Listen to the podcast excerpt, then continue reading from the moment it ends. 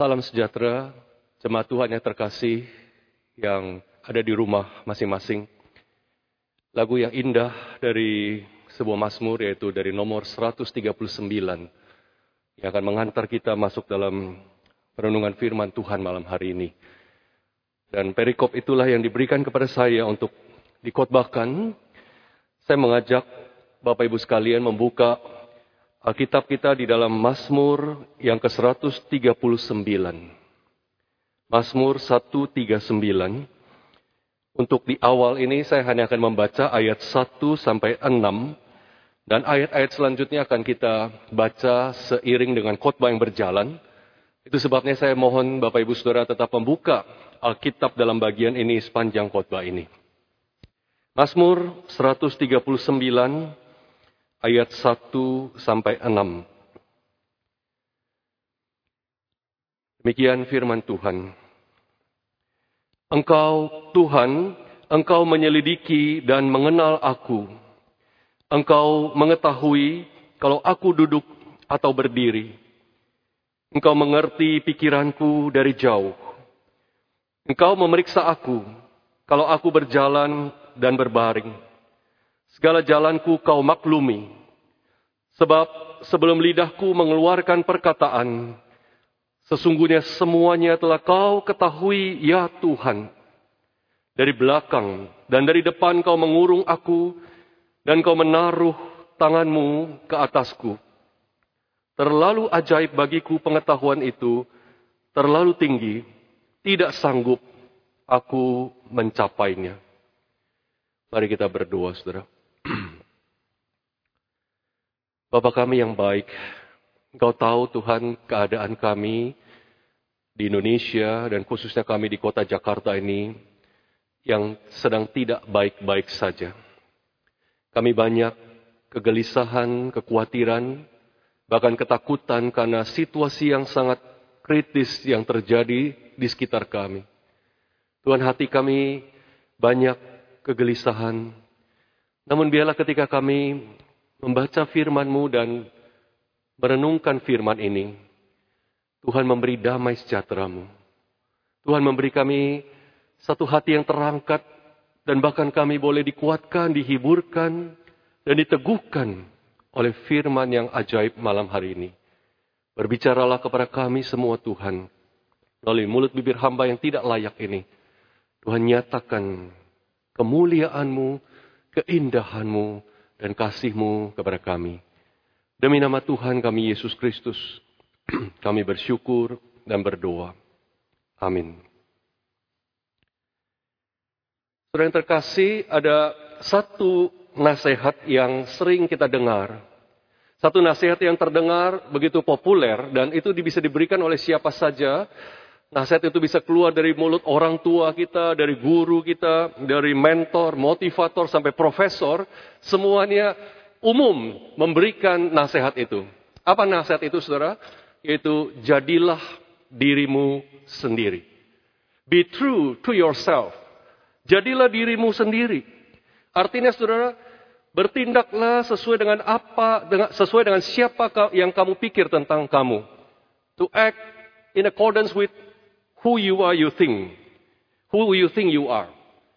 Saudara inilah yang banyak orang ingatkan kepada kita, jadilah dirimu sendiri. Orang bilang tidak perlu ikut-ikutan orang. Jangan menyerah kepada tekanan massa atau peer pressure. Kamu adalah kamu, jadilah dirimu sendiri. Soalnya nasihat itu sudah terdengar begitu umum dan kita mungkin sulit menyangkal kebenaran dari nasihat ini.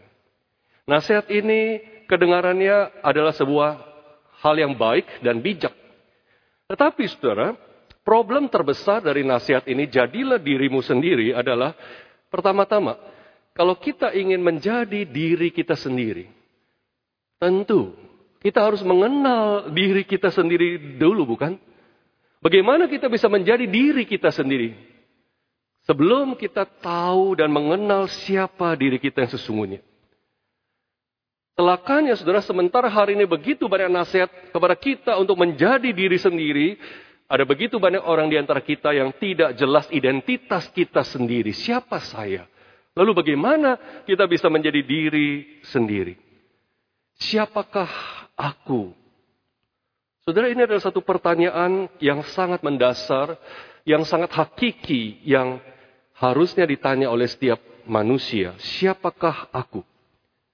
Hal yang paling mendasar dan bahkan paling penting yang membedakan manusia dengan semua ciptaan Tuhan yang lain adalah kemampuan manusia untuk berkata saya, I.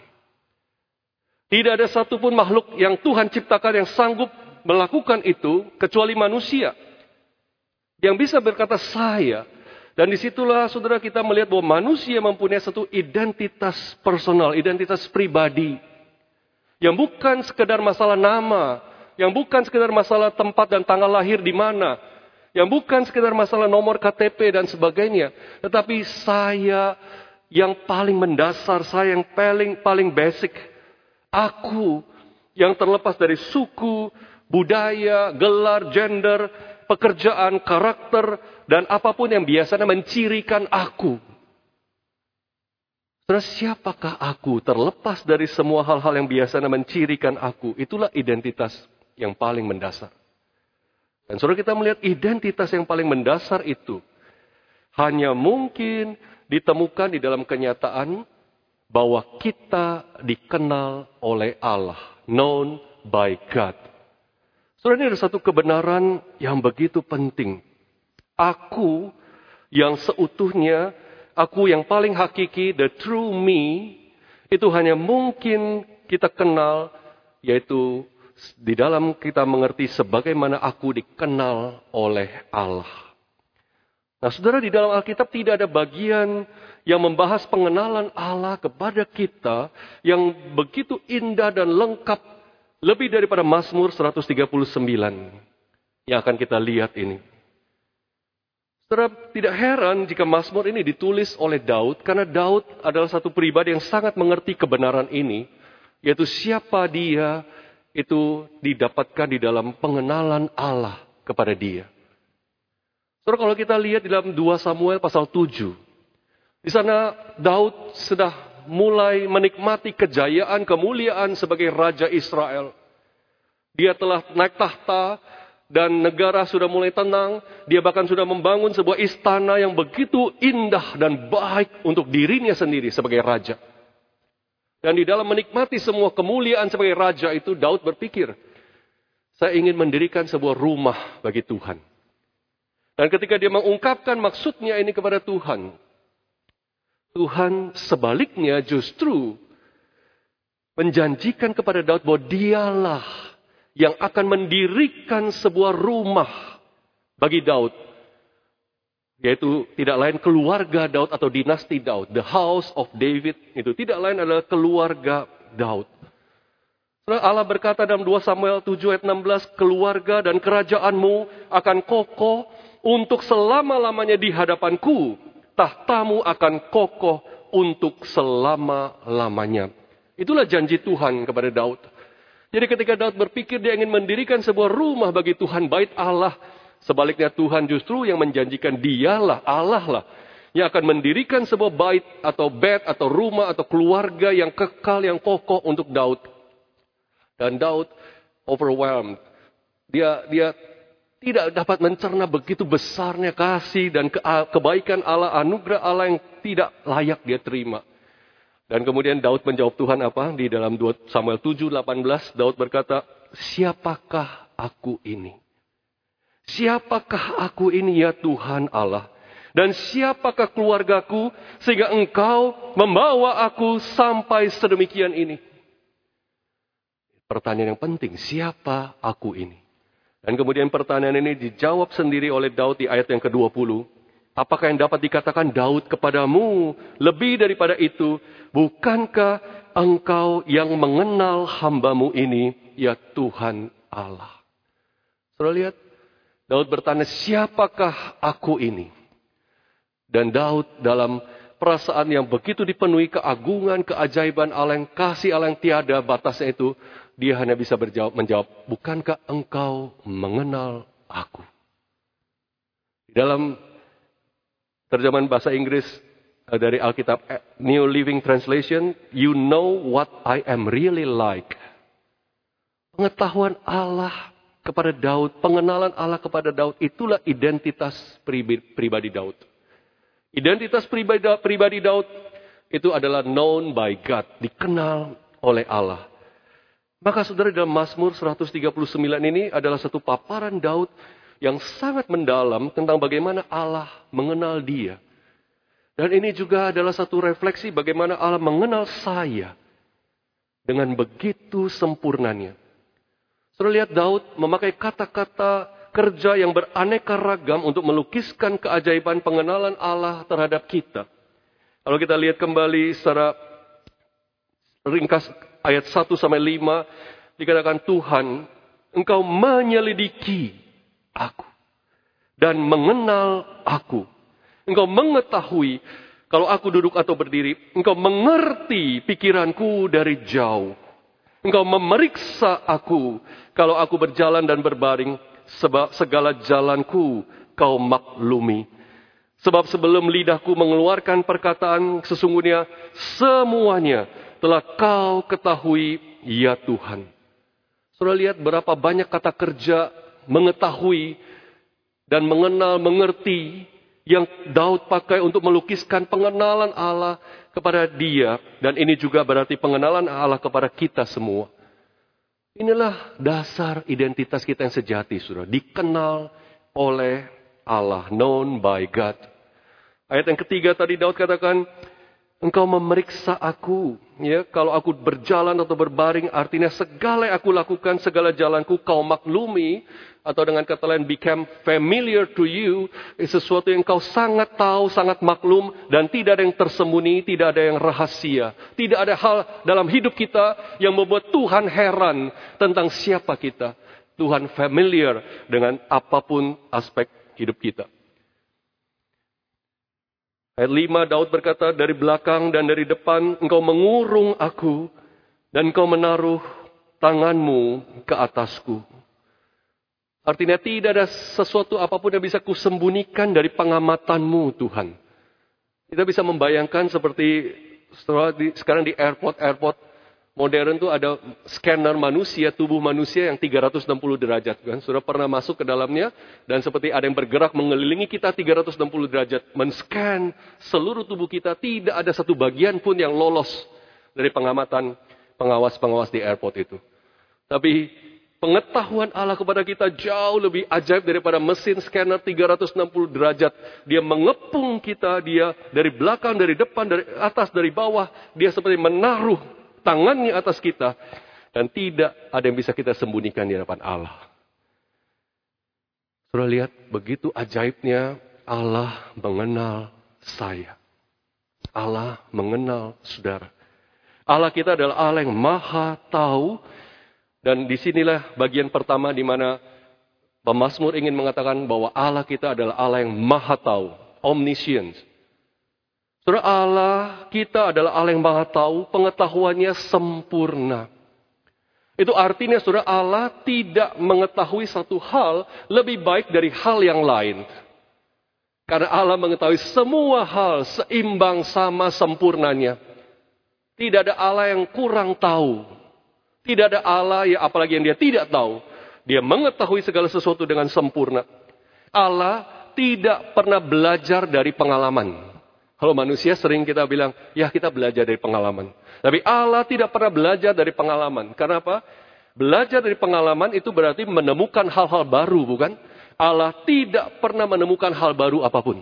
Karena dia sudah tahu dari awal sampai akhir dengan sempurna dan tidak ada pengetahuan yang baru bagi Allah. Allah tidak pernah terkejut dan heran. Karena terkejut dan heran itu selalu terjadi karena ketidaktahuan. Karena kita tidak tahu, baru kita kaget dan kemudian kita heran. Tapi Allah tidak pernah terkejut dan heran. Maka saudara, saudara bisa membayangkan seperti itulah Allah mengenal kita. Setiap pribadi, bukan hanya identitas lahiriah kita, tetapi aku yang terdalam. The true me, itu Allah tahu sedetil-detilnya. Inilah identitas kita, saudara. Kemudian di dalam bagian berikutnya ayat 7 sampai 12, Daud memaparkan Allah yang maha hadir. Kalau tadi bagian pertama Allah yang maha tahu, sekarang Allah yang maha hadir, omnipresence. Ayat 7 sampai 12, ke mana aku dapat pergi menjauhi rohmu? Ke mana aku dapat lari dari hadapanmu? Jika aku mendaki ke langit, engkau di sana. Jika aku menaruh tempat tidurku di dunia orang mati, di situ pun engkau. Jika aku terbang dengan sayap fajar dan membuat kediaman di ujung laut, juga di sana tanganmu akan menuntun aku dan tangan kananmu memegang aku. Jika aku berkata, biarlah kegelapan saja melingkupi aku dan terang sekelilingku menjadi malam. Maka kegelapan tidak menggelapkan bagimu dan malam menjadi terang seperti siang. Kegelapan sama seperti terang. Saudara di sini kita melihat Allah yang maha hadir. Artinya saudara tidak ada satu tempat pun ke mana saya bisa pergi dan Allah tidak bisa mencari saya. Tidak ada tempat seperti itu. Ke mana pun kita pergi, dia selalu mampu menjangkau kita karena dia tahu dia maha hadir. Ke mana aku dapat pergi menjauhi Tuhan? Ke mana aku dapat pergi dari Allah? Suruh pemazmur melakukan pengandaian seandainya. Seandainya pun dia bisa pergi ke tempat yang paling jauh, paling tinggi, paling terang, yaitu ke langit. Kalaupun dia bisa mencapainya. Dia berkata apa? Di situ ada Tuhan. Tuhan bisa mencapainya. Kalaupun dia sanggup naik ke tempat yang paling terang, paling jauh, paling tinggi, yaitu langit yang paling tinggi.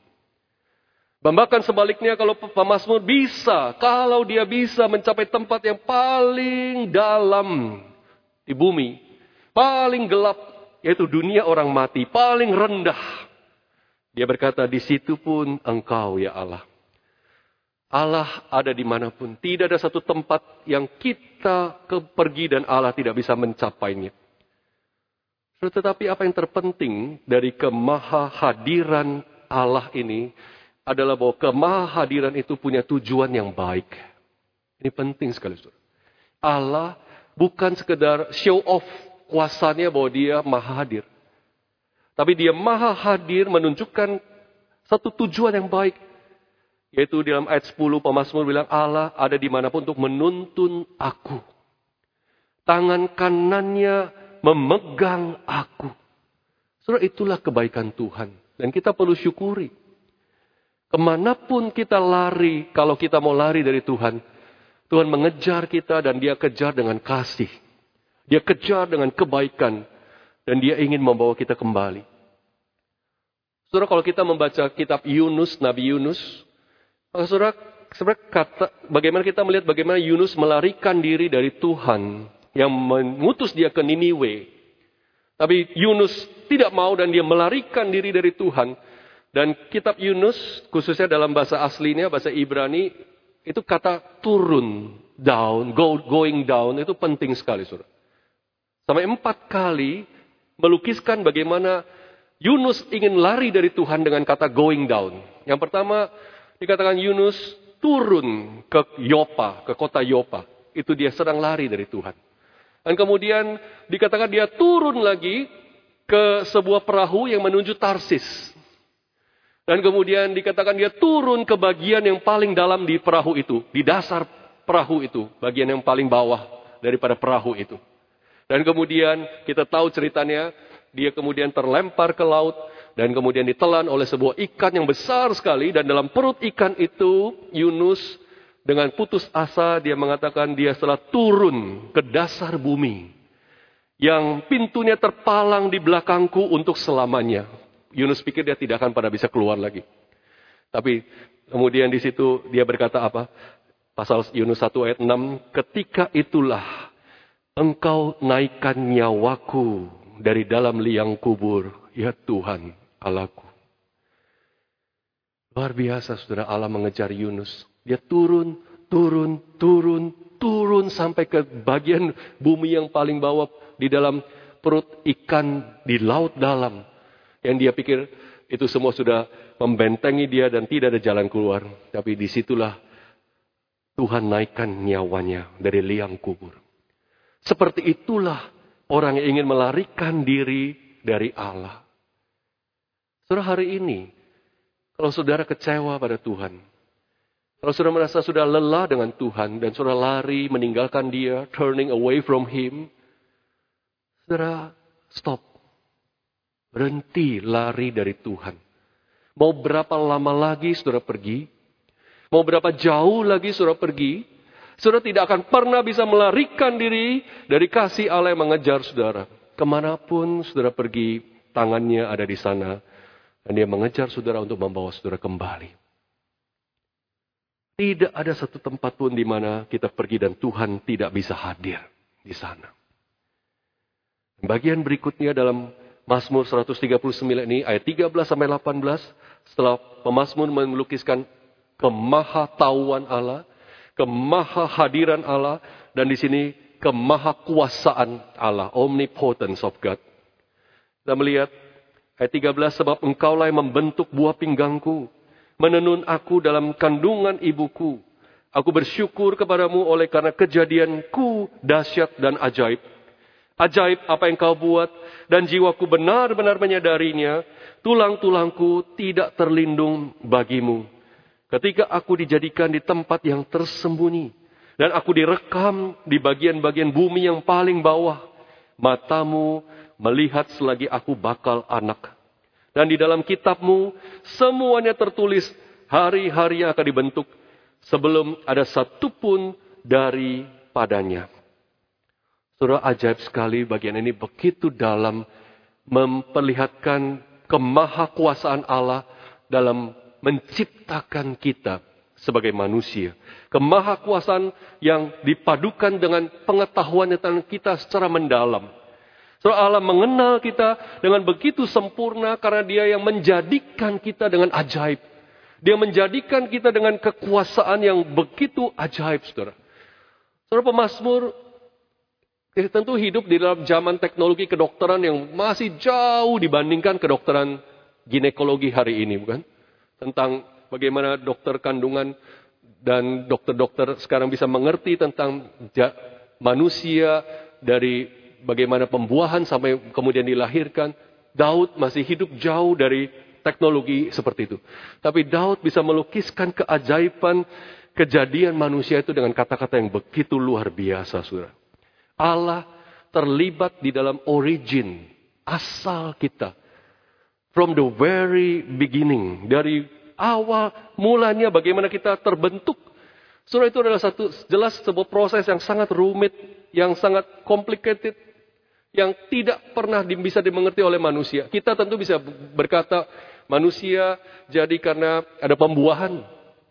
Tapi tidak ada yang pernah bisa mengerti kenapa kemudian kalau Sel telur bertemu dengan sperma bisa ada pembuahan.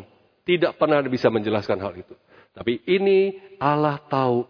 Begitu rumit, begitu ajaib. Ini adalah satu rahasia mutlak. Tapi tidak tersembunyi dari Allah. Tidak mengherankan bagi Tuhan. Dan bahkan jika Allah terlibat dan tahu tentang origin kita, dia juga tahu tentang hari-hari akan datang yang akan dijalani oleh setiap manusia yang lahir. Surah Allah sejak awal tahu tentang pembentukan kita sebagai manusia dan dia tahu hari-hari berikutnya, dia tahu berapa umur kita, dia tahu apa yang akan kita jalani dan sampai kapan kita ada di bumi ini. Sebelum satu pun hari-hari itu tiba. Saudara kita melihat betapa ajaibnya Allah yang kita percaya ini saudara. Maka saudara kita melihat God knows us personally and intimately. Allah mengenal kita secara pribadi dan secara intim. Dia tahu sampai ke hal yang paling rahasia sekalipun. So, tadi saya teringat bagaimana Allah bertanya jawab dengan Ayub ketika dia menantang Ayub. Allah memperlihatkan kekuasaannya kepada Ayub dan dia bertanya kepada Ayub, Ayub, kamu tahu berapa lama seekor kambing mengandung? Berapa lama seekor rusa mengandung dan kapan melahirkan, kapan anak itu dilahirkan? Kamu tahu, kemudian dia dilahirkan dan kemudian dia bisa berdiri. Kamu tahu bagaimana prosesnya semua? Saudara bayangkan, itu bahkan seekor kambing, seekor rusa yang jauh nilainya dari manusia, itu semua tidak merupakan rahasia bagi Tuhan. Dan manusia terlebih lagi yang begitu adalah magnum opus, masterpiece dari Tuhan. Tuhan jauh lebih tahu, Tuhan jauh, bahkan maafkan bahasa saya harus memakai perbandingan, tapi sebenarnya pengetahuan itu sama di depan Allah. Tuhan begitu mengerti origin kita dan hari-hari depan kita bahkan sebelum satu hari itu pun jadi. Di dalam kemahakuasaannya dia menjadikan itu semua. Maka saudara kita melihat saya yang sejati. The true me itu. Hanya bisa ditemukan di dalam fakta bahwa Allah mengenal saya. Identitas kita sebelum kita melekat punya nama. Sebelum kita punya tempat dan tanggal lahir. Apalagi punya KTP. Sebelum kita punya tempat studi. Punya gelar.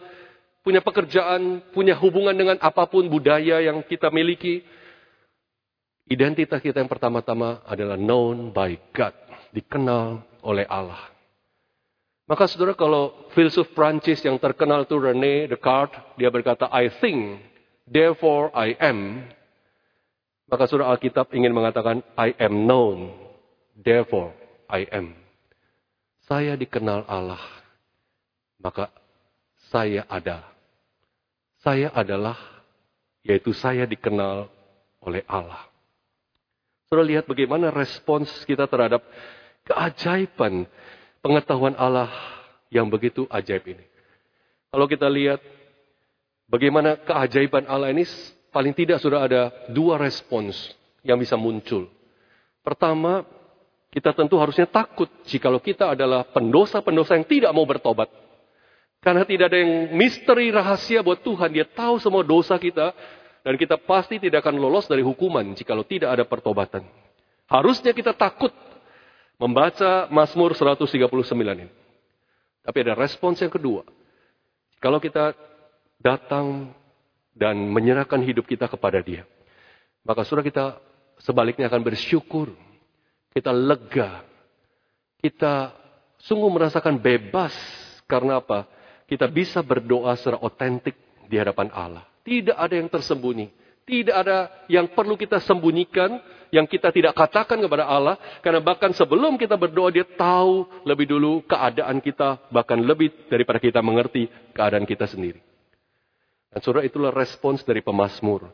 Dia menyerahkan dirinya kepada Allah. Kalau kita lihat ayat 19 sampai 24, sekiranya engkau mematikan orang fasik ya Allah, sehingga menjauh daripadaku penumpah-penumpah darah, yang berkata-kata dusta terhadap engkau dan melawan engkau dengan sia-sia. Masakan aku tidak membenci orang-orang yang membenci engkau ya Tuhan dan tidak merasa jemu kepada orang-orang yang bangkit melawan engkau. Aku sama sekali membenci mereka. Mereka menjadi musuhku. Selidikilah aku ya Allah dan kenalah hatiku. Ujilah aku dan kenalah pikiran-pikiranku. Lihatlah, apakah jalanku serong dan tuntunlah aku di jalan yang kekal. Surah ayat-ayat ini merupakan doa pemazmur untuk meminta Allah membinasakan musuh-musuh Allah. Dan dosa, do, sorry, doa ini dilandasi keyakinan bahwa Allah tahu sang pemazmur adalah orang benar. Yang ingin berjalan dalam kebenaran yang bahkan meminta Allah menguji dia apakah dia berjalan dalam jalan yang serong. Maka saudara di sini kita lihat pemazmur, dia tidak mungkin berdoa supaya Allah menghancurkan musuh-musuh Allah jikalau dia sendiri hidup dalam dosa dan ketidakbenaran. Itu sebabnya kita melihat bahwa pemazmur dalam pengetahuan tentang kemahakuasaan, kemahatauan, kemahadiran Allah yang ajaib, dia bisa berdoa dengan otentik. Allah Maha tahu. Dia tahu saya di pihak kebenaran atau yang melawan kebenaran. Dan karena dia di pihak kebenaran, dia bisa dengan bebas mendoakan Allah menegakkan kebenaran, membenarkan orang umatnya yang percaya kepadanya. Saudara, kesadaran terhadap kemahatauan Allah, kemahakuasaan Allah, dan kemahahadiran Allah, itu membuat kita sungguh bisa berdoa dengan bebas, dengan jujur, dengan otentik, karena semua terbuka di hadapan Allah. Kadang saudara, saya mengakui kita bisa merasa malu ketika kita berdosa, kita datang pada Tuhan, kita mau ngomong apa. Tapi Tuhan tahu semua itu. Sampaikan dengan jujur, dengan apa adanya, dengan otentik. Karena dia bahkan lebih mengerti kedalaman masalah kita daripada kita mengerti dosa-dosa kita. Kesadaran tentang siapa Allah ini membuat kita bisa datang kepadanya dengan terbuka dan dengan otentik. Maka saudara kita lihat di dalam pengenalan Allah kepada kita lah, kita menjadi manusia yang paling otentik di hadapan dia. Dan kita bersyukur karena Allah yang begitu ajaib, begitu besar dan mulia ini menyatakan dirinya di dalam Yesus Kristus di mana kita mengalami jauh lebih intim lagi pengenalan Allah kepada kita. Saudara kita mengingat bagaimana Yesus mengatakan tentang dia sebagai gembala yang baik. Saya membacakan dari Yohanes pasal yang ke-10 ayat 14 dan 15. Injil Yohanes 10 ayat 14 dan 15. Yesus berkata, Akulah gembala yang baik. Dan aku mengenal domba-dombaku dan domba-dombaku mengenal aku. Sama seperti Bapa mengenal aku dan aku mengenal Bapa. Dan aku memberikan nyawaku bagi domba-dombaku. Roh Yesus berkata, akulah gembala yang baik. Dan setelah itu dilanjutkan dengan hubungan yang intim antara Bapa dengan Yesus dan Yesus dengan Bapa. Yang kadang aku mengenal Bapakku dan dan sama seperti Bapa mengenal aku, aku mengenal Bapa. Nah, saudara kita bisa bayangkan betapa Bapak mengenal anak dan anak mengenal Bapak itu satu pengenalan yang begitu intim, begitu luar biasa, begitu sempurna. Pengenalan yang di luar akal pikiran kita untuk sanggup mencernanya pengenalan yang sempurna seperti itu. Dan lihat berdasarkan pengenalan seperti itulah sama seperti Yesus mengenal Bapa dan Bapa mengenal Yesus, Yesus memakai itu menjadi dasar dia mengenal kita. Aku mengenal kamu. Begitu intimnya, begitu akrabnya, begitu dekatnya, begitu sempurnanya seperti aku mengenal Bapa, kata Yesus. Seperti Bapa mengenal aku. Demikian aku mengenal domba-dombaku. Tuhan Yesus gembala kita yang baik, dan dia mengenal setiap aspek hidup saudara. Tidak ada yang luput dari pengenalan dan perhatian dan kasihnya. Itu sebabnya dalam situasi seperti ini, segala pikiran, kekhawatiran, kegelisahan, bahkan ketidakberdayaan kita. Yesus sebagai gembala yang baik, dia tahu sekali. Yesus mengerti pergumulan saudara sepatunya, dan dia tahu kebutuhan-kebutuhan khusus saudara dan Yesus sebagai gembala yang baik, dia menggembalakan setiap dombanya untuk memberi apa yang terbaik, beda-beda setiap domba. Itu sebabnya kita tidak perlu iri kepada orang kita rasa mendapat lebih. Kita tidak perlu iri kepada orang yang kita rasa jalannya lebih baik dan lancar. Ingat, Yesus mengenal kita seperti setiap domba pribadi lepas pribadi. Dia menggembalakan setiap domba dengan cara yang unik. Dia tahu siapa saya dan dia membentuk saya berbeda dengan dia bentuk orang lain. Yesus tahu karakter saya dan dia mempersiapkan saya menjadi mengenal dia itu dengan cara yang berbeda. Dengan cara dia membentuk orang lain mengenal Tuhan. Yesus tahu segala kegelisahan kita, kesusahan kita, dan dia tahu bagaimana menggembalakan kita dengan unik yang tidak dia lakukan kepada yang lain. Hanya kepada kita. Di sinilah sudah kita melihat gembala kita ini ajaib luar biasa dan begitu indah. Oleh sebab itu saudara, identitas kita yang paling hakiki itu tidak lain terdapat di dalam apa? Pengenalan Kristus kepada saya. Tidak ada hal yang lebih berharga daripada saya dikenal oleh gembala yang agung itu. Dia tahu semuanya tentang saya dan dan dia menggembalakan saya secara khusus berdasarkan pengetahuannya tentang saya. Yang beda dengan pribadi-pribadi yang lain. Itulah sebenarnya mengenal dan memiliki Kristus adalah satu hal yang terindah yang Tuhan berikan kepada kita pada hari ini. Saudara. Situasi apa pun yang melanda di sekitar kita, saya akui kita tidak bisa anggap enteng. Kita khawatir, kita gelisah, kita tidak berdaya. Tapi saudara ada hal yang jauh lebih penting. Bahwa Tuhan tahu kita dalam situasi itu. Dia kenal segala sesuatu tentang kita. Saudara, tadi sebelum saya datang ke Greenfield ini, saya berpikir satu hal. Kalau satu hari saya mati, sebenarnya nggak penting ya di batu nisan itu ada nama saya. Nggak penting di batu nisan itu ada tanggal lahir saya, atau bahkan gelar, pendeta, dan sebagainya. Apa yang paling penting kalau boleh ada di batu nisan itu? Hanya tiga kata. Known by God atau known by Jesus. Itulah identitas yang akan saya bawa sampai kekekalan. Ketika saya melepaskan satu demi satu identitas manusiawi. Ketika saya tidak lagi punya gender di kekekalan, ketika saya tidak lagi punya nomor KTP di kekekalan, ketika saya tidak punya profesi di kekekalan, tidak punya budaya di kekekalan, ketika saya tidak punya lagi apa yang saya punya di dunia ini yang mencirikan saya di kekekalan, satu-satu yang bertahan adalah I am known by God. Dan itu memberikan rasa bebas yang luar biasa. Pujilah Tuhan yang mengenal kita dengan sempurna. Mari kita berdoa. Tuhan terima kasih. Karena siapa kami hanya bisa kami temukan di dalam Engkau mengenal aku. Terima kasih Tuhan kami yang tidak layak ini seperti Daud berkata, siapakah aku ini? Sehingga engkau membawa aku sampai sejauh ini Tuhan. Apalagi yang bisa aku katakan karena engkau mengenal aku. Biarlah engkau saja yang menolong kami untuk satu cara pandang yang diperbaiki, diperbarui. Sehingga apa yang paling penting bagi kami hari ini, lebih dari segalanya, kami sadar bahwa engkau mengenal kami, mengasihi kami, mengejar kami dan menopang kami, menggembalakan kami.